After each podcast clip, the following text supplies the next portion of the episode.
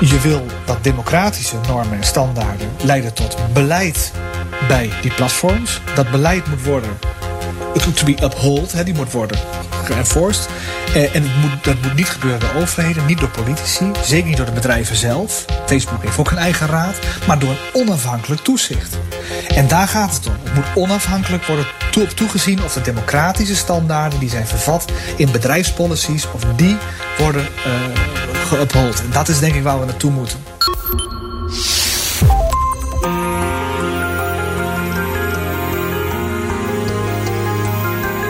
Luistert naar De Stratege, een podcast van BNR in samenwerking met het Den Haag Centrum voor Strategische Studies. Mijn naam is Paul van Liemt. Coronavirus isn't the only invisible enemy threatening Britain's way of life. Disinformation about the disease, some of it allegedly spread by pro-Russian media, is also causing concern. Over the past year, China's been trying to convince the world that it has handled the crisis well. In an effort to shift any blame for the outbreak, Beijing launched an all out information offensive, fighting the assumption it all started in Wuhan and undermining Western vaccines. Are only vaccinated people allowed to vote in Germany? This claim about the federal election is circulating on the net, but this is not true.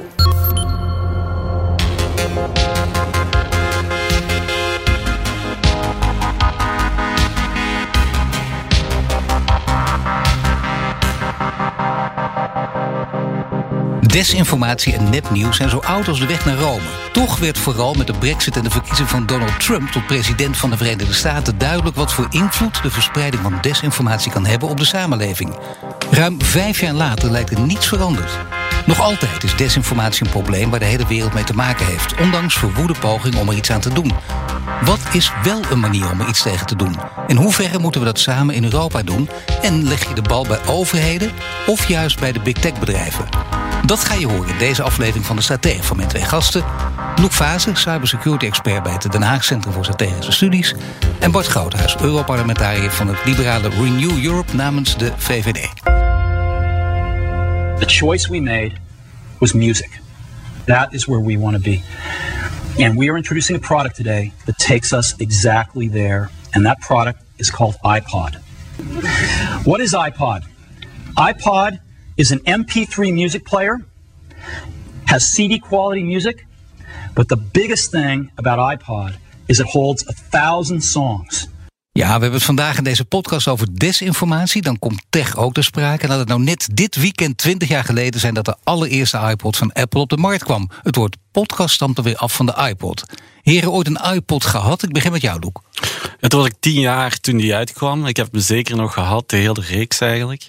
Uh, maar nu ondertussen ja, heb je toch de hele wereld in je handen met je, met je mobiel, met je smartphone. Ja, dat is toch wel weer eventjes uh, wat anders. Dus dan verlang je niet terug naar die iPod. Dat was gewoon een andere fase. Nee, dat was, we zijn wat upgraded in de tussentijd. En hoe, hoe is het voor jou, Bart? Ook uh, fijne herinneringen aan de iPod? Ja, fantastisch. Ik had alleen um, Bach's Engelse suites uh, erop gezet met, van Glenn Gould. En dan ging ik altijd uh, de Zevenheuvelenloop oefenen in Nijmegen. En dan ging ik dat luisteren. Dus ik, uh, ik denk er met heel veel liefde en plezier en warmte aan terug. Mooie uitvinding. Ja, maar nu toch overgestapt, hè? Ja, ja, we zitten allemaal aan de iPhone, hè? Dat is een grote uitvinding. The fake news. They tell you... Fake news. It's fake news. Fake. Fake news. Fake news. Fake news. Fake news. Fake news. Desinformatie, misinformatie of het lievelingswoord van Donald Trump, fake news. Allemaal termen waar vaak hetzelfde mee wordt bedoeld, het zij met andere motieven. Maar wat is desinformatie nou precies, Loek? Desinformatie is echt het opzettelijk verspreiden eh, van onjuistheden om echt schade te verrichten. Right? Terwijl misinformatie is vaak onopzettelijk. Nu, desinformatie heeft vaak het doel om mensen te misleiden. En vaak voor economische en politieke gewin. Of voor ook, uh, financiële motieven, bijvoorbeeld om clickbait te hebben, om zo meer uh, kliks en ook geld te genereren door ads. Ehm, maar we zien vaak dat het nog niet eens echt over nepnieuws gaat. Je ziet ook desinformatie evolueert ook heel snel, right? Dus wat je soms ziet is dat het om halfwaarheden gaat of om bijvoorbeeld een heel ongenuanceerd beeld neer te zetten. En daar zijn heel veel voorbeelden ook in de Amerikaanse verkiezingen geweest, bijvoorbeeld. Hè. Maar in de definitie die jullie ook bij HCSS hanteren is heel belangrijk het woord opzettelijk. Daar gaat het om. Ja, het is echt wel opzettelijk. Er zit een motief een, uh, van, een, van een actor achter. Dus een kwaadwillend motief eigenlijk. Het is niet per ongeluk dat je het eigenlijk doet. Als je kijkt naar het, uh, het probleem, desinformatie, opzettelijk verspreiden dus van, van verkeerd nieuws, nieuws wat niet waar is. Hoe groot is dat nu? Ja, het is nog steeds heel groot. Ik denk, hè, we hebben een jaar geleden ook een, uh, gesproken over uh, de corona-pandemie uh, van desinformatie. Even voor de duidelijkheid, we, dat klopt. Dat was ook een aflevering van de Strategen. Ja, inderdaad. Zeker. Precies hetzelfde format, ook een Bart erbij. en ik denk dat dat weer heeft aangetoond dat het heel schadelijk kan zijn. Ik bedoel, desinformatie het vergroot eigenlijk onze maatschappelijke verschillen die wat al, die wat al bestaan in onze samenleving. Het zet die, buiten die extreme uit eigenlijk. Het ondermijnt het vertrouwen in onze democratische processen. Ik bedoel, kijk naar het kapitool, de rellen daar. Dat is ook een gevolg van eigenlijk de desinformatie die wat daaruit vloeide.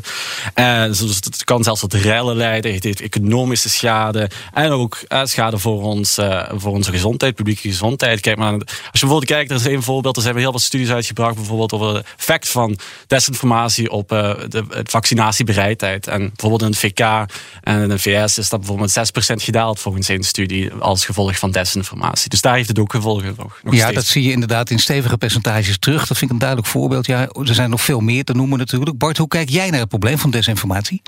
Nou, kijk, er is een tijdelijke commissie opgericht in het Europees Parlement. die kijkt naar desinformatie en buitenlandse beïnvloeding in den brede. Dus dat is goed. Ik onderhandel namens alle liberale zetels. onderhandel ik daarover het maatregelenpakket wat eraan komt. En een van de eerste dingen die ik in de discussie heb gezegd is. we gaan niet praten over fake news. Dat is afgestampt, dat is geïntroduceerd door Steve Bannon en Trump, zoals, zoals jullie het horen, Paul. En dat, dat is afkomstig van Lugenpressen. En iedereen weet wat dat was. En, uh, je, je disqualificeert daarmee de serieuze media als, als nepnieuws. Dus ik gebruik het woord niet. Ik doe hetzelfde als eh, wat Luke en het HCSS doet. Ik gebruik misinformatie, desinformatie, er zit een intentie achter. En buitenlandse ongewenste beïnvloeding als overtreffende trap. En uh, dit, dit is, dat is een groot probleem. Ik denk wel één nuance. Wij weten niet goed hoe groot het probleem is. Mag ik dat eens even erin brengen? Want of nou de Trump-verkiezing in 2016 of de Brexit-verkiezing succesvol was, de, de, de desinformatiecampagnes die er aantoonbaar waren. Dat weten we niet. We weten niet of precies dat ene Electoral College is omgegooid. Of die ene straat in Manchester is geturnd. We weten slechts generiek wat er is uitgegeven op één of twee of drie platforms. Wat er cross-platform is gebeurd en hoe specifiek dat zich richt op hele kwetsbare groepen die daarmee beïnvloed zijn, die data hebben we niet. En daar werken we dan ook aan in de maatregelen waarvan ik eh, dus een van de onderhandelaars ben en namens de liberale fractie dus, om te zorgen dat we die data boven water krijgen, ook voor mensen zoals het HCSS, maar ook academici en law enforcement, dus andere instellingen van de staat. Nou ja, wat je nu zegt is meer denk ik dan een uh, nuancering, hè? want uh, in veel hoofden van mensen zit toch de brexit is beïnvloed door de Maar officieel zeg je dat weten we niet. Dat kunnen we gewoon kunnen we niet zeggen. Ja, nou, de Verenigd Koninkrijk heeft ook een hele domme fout gemaakt door te zeggen we gaan het niet onderzoeken. En, en dan zeg ik gewoon strategisch gezien is er geen dommere victory die je kunt geven aan Poetin. Want nu blijft boven de markt hangen of Brexit een soevereine keuze was van het Engelse volk, of dat Poetin het heeft beïnvloed met campagnes. En ik wil dat altijd opgekleerd hebben. Als ik eh, Boris Johnson zou zijn, zou ik willen hebben. Ik zou een definitief nee willen hebben. Dit hebben we zelf besloten. Domme beslissing, maar we hebben het zelf besloten. Hetzelfde geldt voor Mueller. Mueller heeft onderzocht in Amerika en heeft gezegd: dit is geen Russische beslissing geweest. Het is een beslissing geweest van het Amerikaanse volk om Trump te verkiezen. En dat is ook voor een democratische rechtsstaat essentieel. Vandaar ook dat we in wetgeving werken om die data boven water te krijgen. Om ook eh, de democratische legitimiteit te houden. Desinformatie kan een belangrijke invloed hebben. Maar als het niet bepalend is, moet je dat ook durven zeggen. En je werkt er als eh, Europarlementariër aan, zeg je zelf, om er iets tegen te doen. Er zijn veel initiatieven, nog andere initiatieven ook, tegen die desinformatie. En toch lijken ze nog niet heel veel zin te hebben. Uh, blijven trollen en regimes op die social media mensen gaan beïnvloeden. Loek, uh, wat gaat er op dit moment nog niet goed bij de bestrijding van die desinformatie? Ja, kijk, ik denk in een ideale wereld uh, focus je vooral op weerbaarheid, right? Dus dat is kritieke burgers, of burgers die like, kritisch kunnen nadenken en die wat waarheden van onwaarheden kunnen scheiden. Uh, daar heb je educatie voor nodig, gevarieerd medialandschap.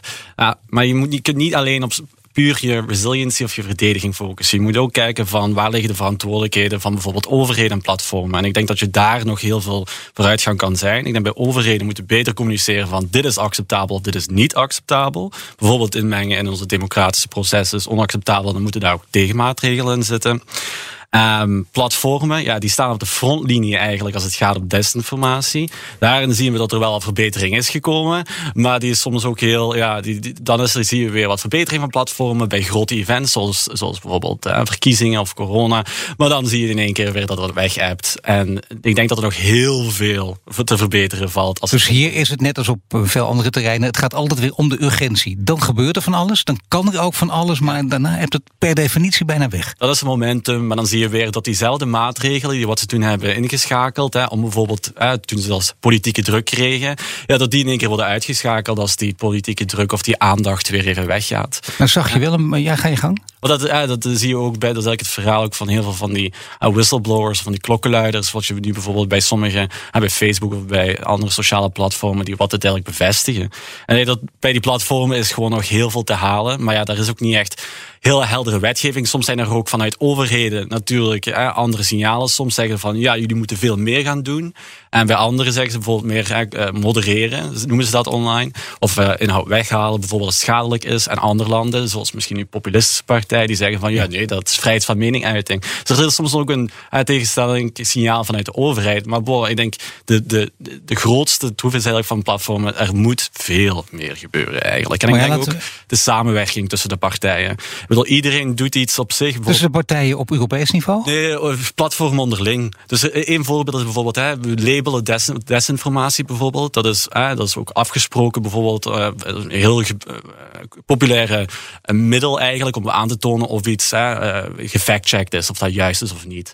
En dan wordt dan, krijg je, krijg je zo'n kleine banner te zien. onder een videootje bijvoorbeeld of een stukje inhoud van nou, dit is onjuist bijvoorbeeld, dit is desinformatie. Maar zodra je dat deelt op een ander platform, dus bijvoorbeeld een YouTube videootje op Facebook zet, ja, dan gaan soms die, die labels gaan niet mee. Dus die zijn niet interoperabel met elkaar. Nee, dat is handig als dat wel gebeurt. Ja, dat is handig als het wel gebeurt. En dat is in ieder geval uh, aangemerkt. Ja.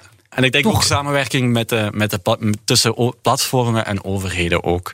Dus iedereen eh, verzamelt bijvoorbeeld heel wat informatie, maar die wordt ook niet heel goed gedeeld onderling eigenlijk met elkaar. Partijen zelf, de overheden en uh, overheden die gaan delen. En uh, ook landelijke overheden die gaan delen misschien wel. Dan zijn we vanzelf bij de EU, want een paar jaar geleden al bracht de EU desinformatie in kaart. In opdracht van de EU wordt Russische propaganda aangepakt. En dat doen ze met deze website. EU versus Disinfo. Die EU-werkgroep beschuldigde Radio 1 geen Stijl, de Post Online en de Gelderlander van het verspreiden van nepnieuws. Ja, de Gelderlander. Spreekbuis van het Kremlin. Ik wist het, ik wist het. Ja, je hoorde een fragmentje uit Zondag met Lubach. Waar geen doorstaand succes, heren. Er kwam ook veel kritiek op. Uh, hoe zou je dit uh, beter aan kunnen pakken? Bart? Nou, er is een opstartfase van, die, uh, van de EU versus disinfo gebeurd. Dat gebeurt tegenwoordig niet meer. Mag ik gewoon ook zeggen dat ik heel trots ben op wat ze tegenwoordig wel doen. En dat zeg ik omdat ze systematisch Russische uh, desinformatie in, kaart brengen, maar ook van andere landen. Mm. Uh, dat analyseren. En er is geen enkel ander continent die dat doet, die het publiek maakt. Daar kun je ook aan refereren. Het is ook verifieerbaar. Het is open source informatie. En ze zorgen dat iedereen kan, kan verifiëren. Ik ben heel blij dat we, dat, dat, we, dat we het nu hebben. Ik, ik zou zelf zeggen, er is een hele grote focus op Rusland. Ik heb afgelopen week een amendement, breng ik uh, volgende week in Straatsburg, uh, afgelopen week in, in, stemming. En dat gaat erover om een, uh, ook een China-taskforce op te richten. Om niet alleen naar Rusland te kijken, maar ook om te kijken hoe de Chinezen hebben geleerd van de Russen om dit te doen. En om ook daar aandacht voor te hebben over hoe zij daar de publieke opinie hier in, in, Europa beïnvloeden. Dus er is nog een hele hoop te doen. Nu is er nog iets. Kijk, dit, gaat, dit is, dit is een, een initiatief inderdaad van de EU, een groot initiatief. Rijdt dus verder dan Rusland ook China wordt erbij betrokken. Maar eh, waarom zou het niet gewoon van de bedrijven kunnen komen? Want eh, met overheden krijg je toch heel snel de, de, de, de, discussie: is het wel of geen censuur? Loek, waarom kunnen bedrijven dat niet aanpakken? Je had het net al over de partijen zelf. Ja, nee, ik denk als we kijken naar overheden, die kunnen, dat is zeker wel een rol voor overheden, right? Dus uh, als we even kijken, het meest laaghangende fruit is niet zozeer over content te hebben, dus de inhoud of de boodschap, hè, de uh, inhoud zelf te hebben van dit is qua goede content en slechte content, maar over conduct, dus over hoe we ons zouden moeten gedragen eigenlijk daarop. En dan kun je bijvoorbeeld botnets of dit soort zaken, die kun je allemaal aanpakken. En ik denk de rol van de overheid is vooral te zeggen, de macht ligt nu echt bij die platformen. Die hebben heel veel data eigenlijk van ons en die bereikt daarvoor. En zij zitten, zoals ik al zei, op die frontlinie. En om die macht weer terug te trekken naar de burger en onze interesses, onze veiligheid, onze goede informatiestroom te verzekeren. Ja, daar heb je de overheid voor nodig. Die moet zeggen dat die platform, die, dat is eigenlijk de enige macht die kan zeggen van jullie moeten betere afspraken maken onderling. Jullie moeten zorgen, en dat is al gebeurd. De EU heeft daar ook het voortouw in genomen. In hetzelfde filmpje van Arjen Lubach had hij het over het high-level panel eh, van de EU. Wat hij ook als censuur zag. Ja, dat was eigenlijk niet zoiets. Die, die, die, dat, dat, eh, die, die groep heeft ervoor gezorgd dat de EU daarna een code of conduct heeft kunnen afzetten met die platform platformen. Ja, maar het gaat toch om die scheid zijn. Die is vrij dun met censuur, of niet? Of was die heel helder te, te trekken, die lijn? Hier, was die heel, hier ging het helemaal niet over censuur door de EU. Dat ging er gewoon. Ah, bij, die, bij de eerste ging het over hè, de, de, de, de, de, wat is het, de Nederlandse krant die wat uh, dan op een lijst... De Gelderlander. Maar dat doen ze nu niet meer voor Europese partijen. Ze verrichten zich nu vooral op buitenlandse partijen en met name die Russische eigenlijk desinformatie. Maar die high-level group die heeft ervoor gezorgd dat er een, dat, dat er een code kwam, standaarden kwam, dat platformen die hebben gezegd van nou, dit zijn de minimale dingen wat wij moeten doen om te zorgen dat disinformatie tegen wordt gegaan. Dat maar wie, wie moet je dan precies aanpakken? Nou, dat zijn eh, eerst en vooral de grotere platformen natuurlijk, maar er zijn er veel meer dan dat eigenlijk. Uh, dus dan heb je het over de Facebook, Google, YouTube, um, uh, noem maar op Twitter.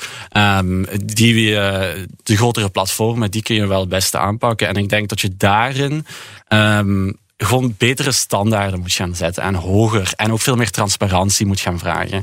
Want vooralsnog, hè, er zijn afspraken gemaakt, maar we kunnen als zonder die transparantie over wat is het effect van die standaarden? Hoe meten jullie dit hier? Ja, dan kunnen wij ook niet monitoren of die ook goed worden geïmplementeerd.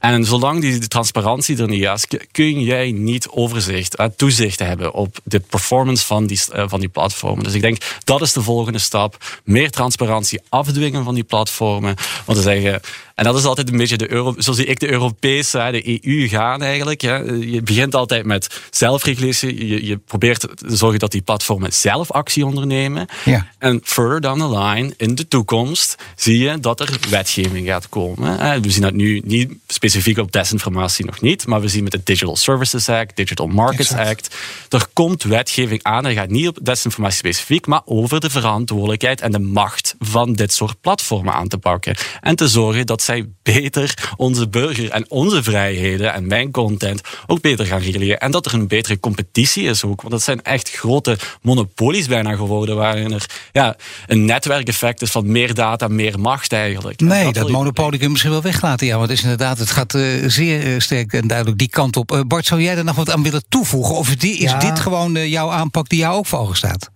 Nee, maar het, is zo. Hè. Kijk, de platforms die ons, uh, waarbij waar je een televisie online kunt kopen of waar je bij je een nieuwe fiets online kunt kopen, die serveren je ook advertenties op dezelfde manier, met dezelfde systematiek.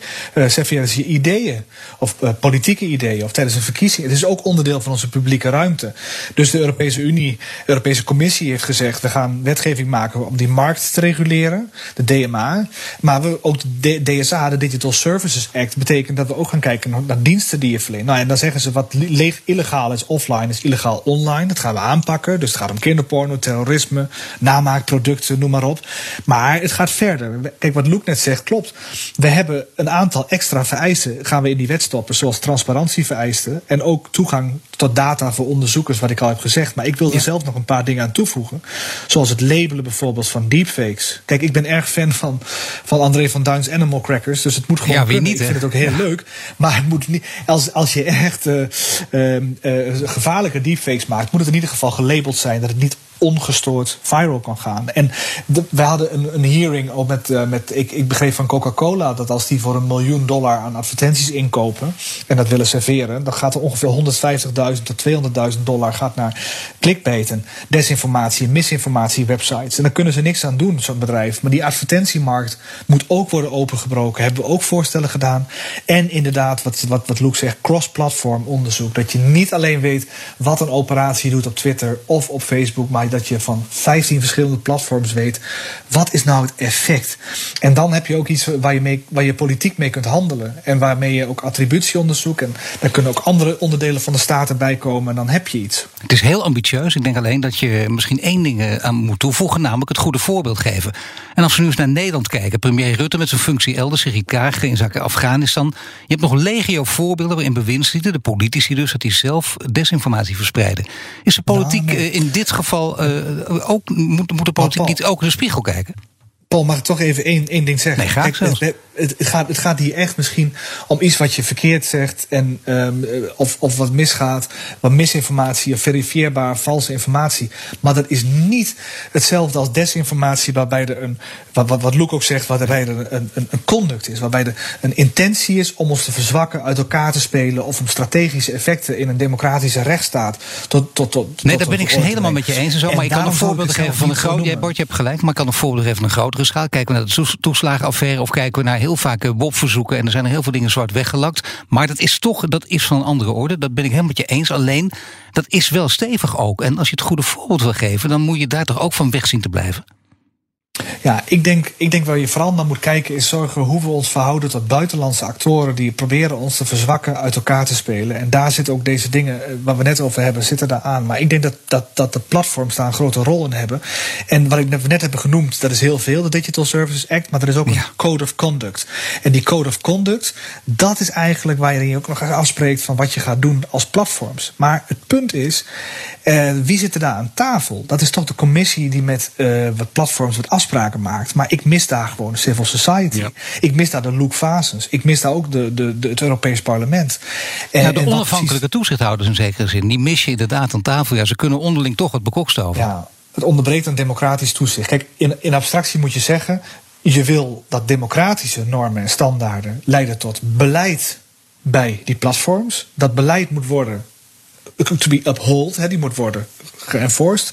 Eh, en het moet, dat moet niet gebeuren door overheden, niet door politici, zeker niet door de bedrijven zelf. Facebook heeft ook een eigen raad, maar door een onafhankelijk toezicht. En daar gaat het om. Het moet onafhankelijk worden toe, toegezien of de democratische standaarden die zijn vervat in bedrijfspolicies, of die worden uh, En dat is denk ik waar we naartoe moeten cruciaal om dat toe te voegen. Hoe is het mogelijk? Ik bedoel, zonder dit gaat het waarschijnlijk niet werken. Dan wordt het een soort. Uh, ja, dan, dan kun je, net, net als in de klimaatdiscussie, kun je van greenwashing bijna spreken. Dit is niet goed zonder democratisch toezicht. Dan kan het dan zelfs niet werken. Maar wat kun je eraan doen dan? Ik bedoel, jij kunt nu je stem verheffen. Maar als je een beetje zo om je heen kijkt in de koppen telt, denk je dat dit, uh, dit cruciale onderdeel hoe dan ook wordt toegevoegd? Nou ja, ik denk dat het parlement nu aan zet is om uh, de Digital Services Act te amenderen, maar ook de Code of Conduct die, wat, die de commissie nu maakt met die bedrijven. En ik denk dat we moeten eisen dat civil society, het parlement en ook anderen die democratische legitimiteit geven aan de afspraken die daar gemaakt worden, maar ook dat er een toezichthoudende rol komt waar iedereen mee uit de voeten kan. Nou, Loek, jij, jij werd al genoemd eh, door Bart. Eh, zou jij daar ook in gaan zitten, in die toezichthoudende rol? Eh, als het kan, zeker weten. Want we zagen bij die vorige proces, ja, dat was, dat was wel ruimte voor civil society. Maar ik ben al die eh, meetingrapporten even doorgegaan. En of de deelnemers daarvoor. En dat was zeer, ah, zeer minimaal eigenlijk. En ze waren het ook helemaal niet eens eigenlijk met de Code of Conduct zoals die er nu lag. Maar ja, dat werd eigenlijk grotendeels genegeerd. En ik denk dat je daar veel beter ons best moeten gaan doen. Of de, de commissie al sinds om te zorgen dat er een goede representatie is van maatschappelijk middenveld in die discussies. Um, dus daar is, en, en ik denk ook, het, dat was nog allemaal zelfregulatie, right? De standaard, de, de platformen die wat het zelf doen. En ik denk, wachten op die platformen is, eh, is voorbij. We moeten veel meer druk gaan zetten. En de commissie doet dat wel goed hiermee. Maar ik denk dat we nog wel een stap verder gaan naar co-regulatie eigenlijk zelfs. En dat zie je, co-regulatie, dat, daar, daar zie je ook dat de Europese Unie daar langzaam maar zeker naartoe gaat via die Digital Services Act en andere zaken. En leg even precies uit hoe dat in werking gaat, wat je daar precies mee bedoelt. Co-regulatie is eigenlijk waarin alle partijen het samen eigenlijk uh, beslissen. Dus hè, maatschappelijk middenveld, overheid en, en, um, en de, de, de private, de industrie zelf, dus de platformen zelf. Um, zelfregulatie is eigenlijk gewoon de platformen die wat hun standaarden zetten en that's it. En de EU heeft daar nog wel een soort van overzichtsfunctie op, maar daar is het niks bindend in. Bij co-regulatie het er wel een, eh, daar een sterkere uh, oversight, dus overzicht op zijn, echt op eh, vastgemaakte uh, metrics, dus uh, key service performance indicators, waarin je kunt meten van en, als Facebook bijvoorbeeld zoveel zaken heeft offline gehaald, op basis waarvan hebben ze dat? Dus je krijgt veel meer data binnen. En het wordt maar, maar je zegt, bindend. het is bindend, precies. Maar in welke zin dan bindend? Wat betekent dat dan? Want stel je houdt je er niet aan, wat dan? Ja, dan zou je eigenlijk, maar dat doet de EU altijd goed, is dat uh, het wacht altijd. Hè, het geeft je altijd heel veel tijd om dat te implementeren. En dan na een tijd, zoals je nu bijvoorbeeld ziet met de GDPR, kun je na een tijdje, of hè, met de NIS Directive, hè, GDPR is onze privacy-wetgeving bijvoorbeeld, zoals wij dat in de AVG kennen. Dan zie je dat er na een tijdje, als er overtredingen zijn, sancties aan vast, of boetes aan vast kunnen. Ja, maar dat zijn vaak boetes die worden weggelachen door die partijen. Daar gaat het nou net om. Nou, 2% van je, van je, van je inkomen van zo'n groot bedrijf is ook niet echt makkelijk. Maar ja, we hebben nu natuurlijk bij Facebook nu ook gezien enorme grote boetes. Ik bedoel, daar liggen ze niet echt wakker van. Bij Google ook niet. Je zou toch echt iets, een andere middel ook moeten inzetten, of niet? Nou, er, komt nog wel iets bij. Hè. Kijk, de Digital Services Act, dat is interessant. Omdat, uh, kijk, in principe is die Code of Conduct waar we het over hadden, is bovenop. Dus Digital Service, naast de Digital Services Act. Het is inderdaad een beetje onduidelijk en vrijblijvend. Maar wat we volgens mij nu gaan afspreken in Brussel, daar heb ik goede hoop voor. Als men niet mee wil doen aan die Code of Conduct en je doet daar niet voldoende uh, je best. En, en, de, en de commissie besluit tot een mogelijke inbreukprocedure uh, richting zo'n zo'n platform, waar ook een mogelijkheid toe is opgenomen in die wet. En daar zitten hele serieuze consequenties aan hoor. Maar wat voor consequenties dan? dan? Want daar gaat het. Nee, Bart, maar sorry dat ik in de reden van, maar daar gaat het nou net om. Hè. Wat zijn die consequenties? Want dat is het. Uh, het bindend, nou dat horen we al. Soms worden die bedragen uh, weg, echt weggelachen, tenzij ze heel hoog zijn, als het inderdaad percentages worden. Hoge percentages, maar wat is dan bindend? Wat is dan de kans dat ze echt worden aangepakt? Nou, er wordt nog onderhandeld over die, de hoogte van die bedragen en de hoogte van die straffen. Maar uh, de bedoeling is dat het echt significante uh, procedures worden waar de commissie, zoals nu ook bij de mededinging, een bedrijf echt het vuur na aan de schenen kan leggen. Dus ik denk dat die, die, die vrijwillige code of conduct, die heeft dus wel degelijk invloed ook op het handhavende karakter, maar dan indirect in die wet. Dus ik denk dat het al aan elkaar gekoppeld wordt op een nette manier. Zo. Ja. Mag ik er nog één ding uitpikken? Uh, ik geloof door Bart uh, eerder genoemd, de advertentiemarkt. Uh, sommige ja. mensen noemen die advertentiemarkt zelfs pervers, zodat het in elkaar zit. Jij gaf het voorbeeld van Coca-Cola. Dat lijkt me heel erg lastig om aan te pakken. Want dan kun je ook op een hele makkelijke manier onderuit komen als je probeert handig en op, een, op, een, op de manier van de sluipmoordenaar te doen. Hè, hele handige reclame maken, in de markt zetten. Hoe kun je daar middel op inzetten om daarvan af te komen? Want dat is natuurlijk een enorme markt met, met waar miljoenen in omgaan. Je vraagt het mij, ja, als je het mij vraagt, dan is het. Dan zeg ik, het, gaat, het gaat om ad libraries. Het gaat dus om de manier hoe je um, advertenties uh, de, de, de, serveert.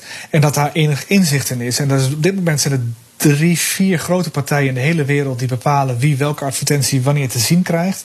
Um, de manier hoe ze dat precies doen is weinig transparantie. En de manier waarop ze dat, uh, hoe ze eraan verdienen is weinig transparantie. En ook voor bedrijven die zelf klant zijn, die zeggen ik wil niet dat het naar desinformatie gaat. En gaat het, gaat het toch, zelfs als je zeg maar bij Pfizer of, of, of, of AstraZeneca die wil, die wil adverteren, komt het bij, uh, bij, uh, bij, bij allerlei vage anti-covid ja. websites terecht. En, ja. en dat kun je transparant maken. Je kunt die markt openbreken. En de commissie komt dan ook, uh, als het goed is, nog met wetgeving die de advertentiemarkt beter gaat reguleren. En ik ben daar alleen maar voorstander van. Ja. Die markt moet goed werken. Ja, en wat je ook ziet is bijvoorbeeld, hè, als we het hebben over desinformatie, wat je soms ziet, hè, die ally, of via die advertenties zag je dat er heel makkelijk kan worden gebruikt, als middel worden gebruikt, bijvoorbeeld door de Russen, om heel veel advertenties te kopen via Facebook, heel goedkoop, om dan zo eigenlijk bijvoorbeeld hè, zaken te beïnvloeden binnen ons land. Nou, wat je ziet is dan, kan veel transparanter, veel meer vragen. Als jij een advertentie wil plaatsen of je wil daarvoor, wil daarvoor betalen, dan moet je gewoon meer informatie aangeven van wie ben jij. En dan moet er ook zichtbaar komen te zijn van deze advertentie is gesponsord door dit bedrijf, deze actor, dat je ook ziet van dit komt van deze partij.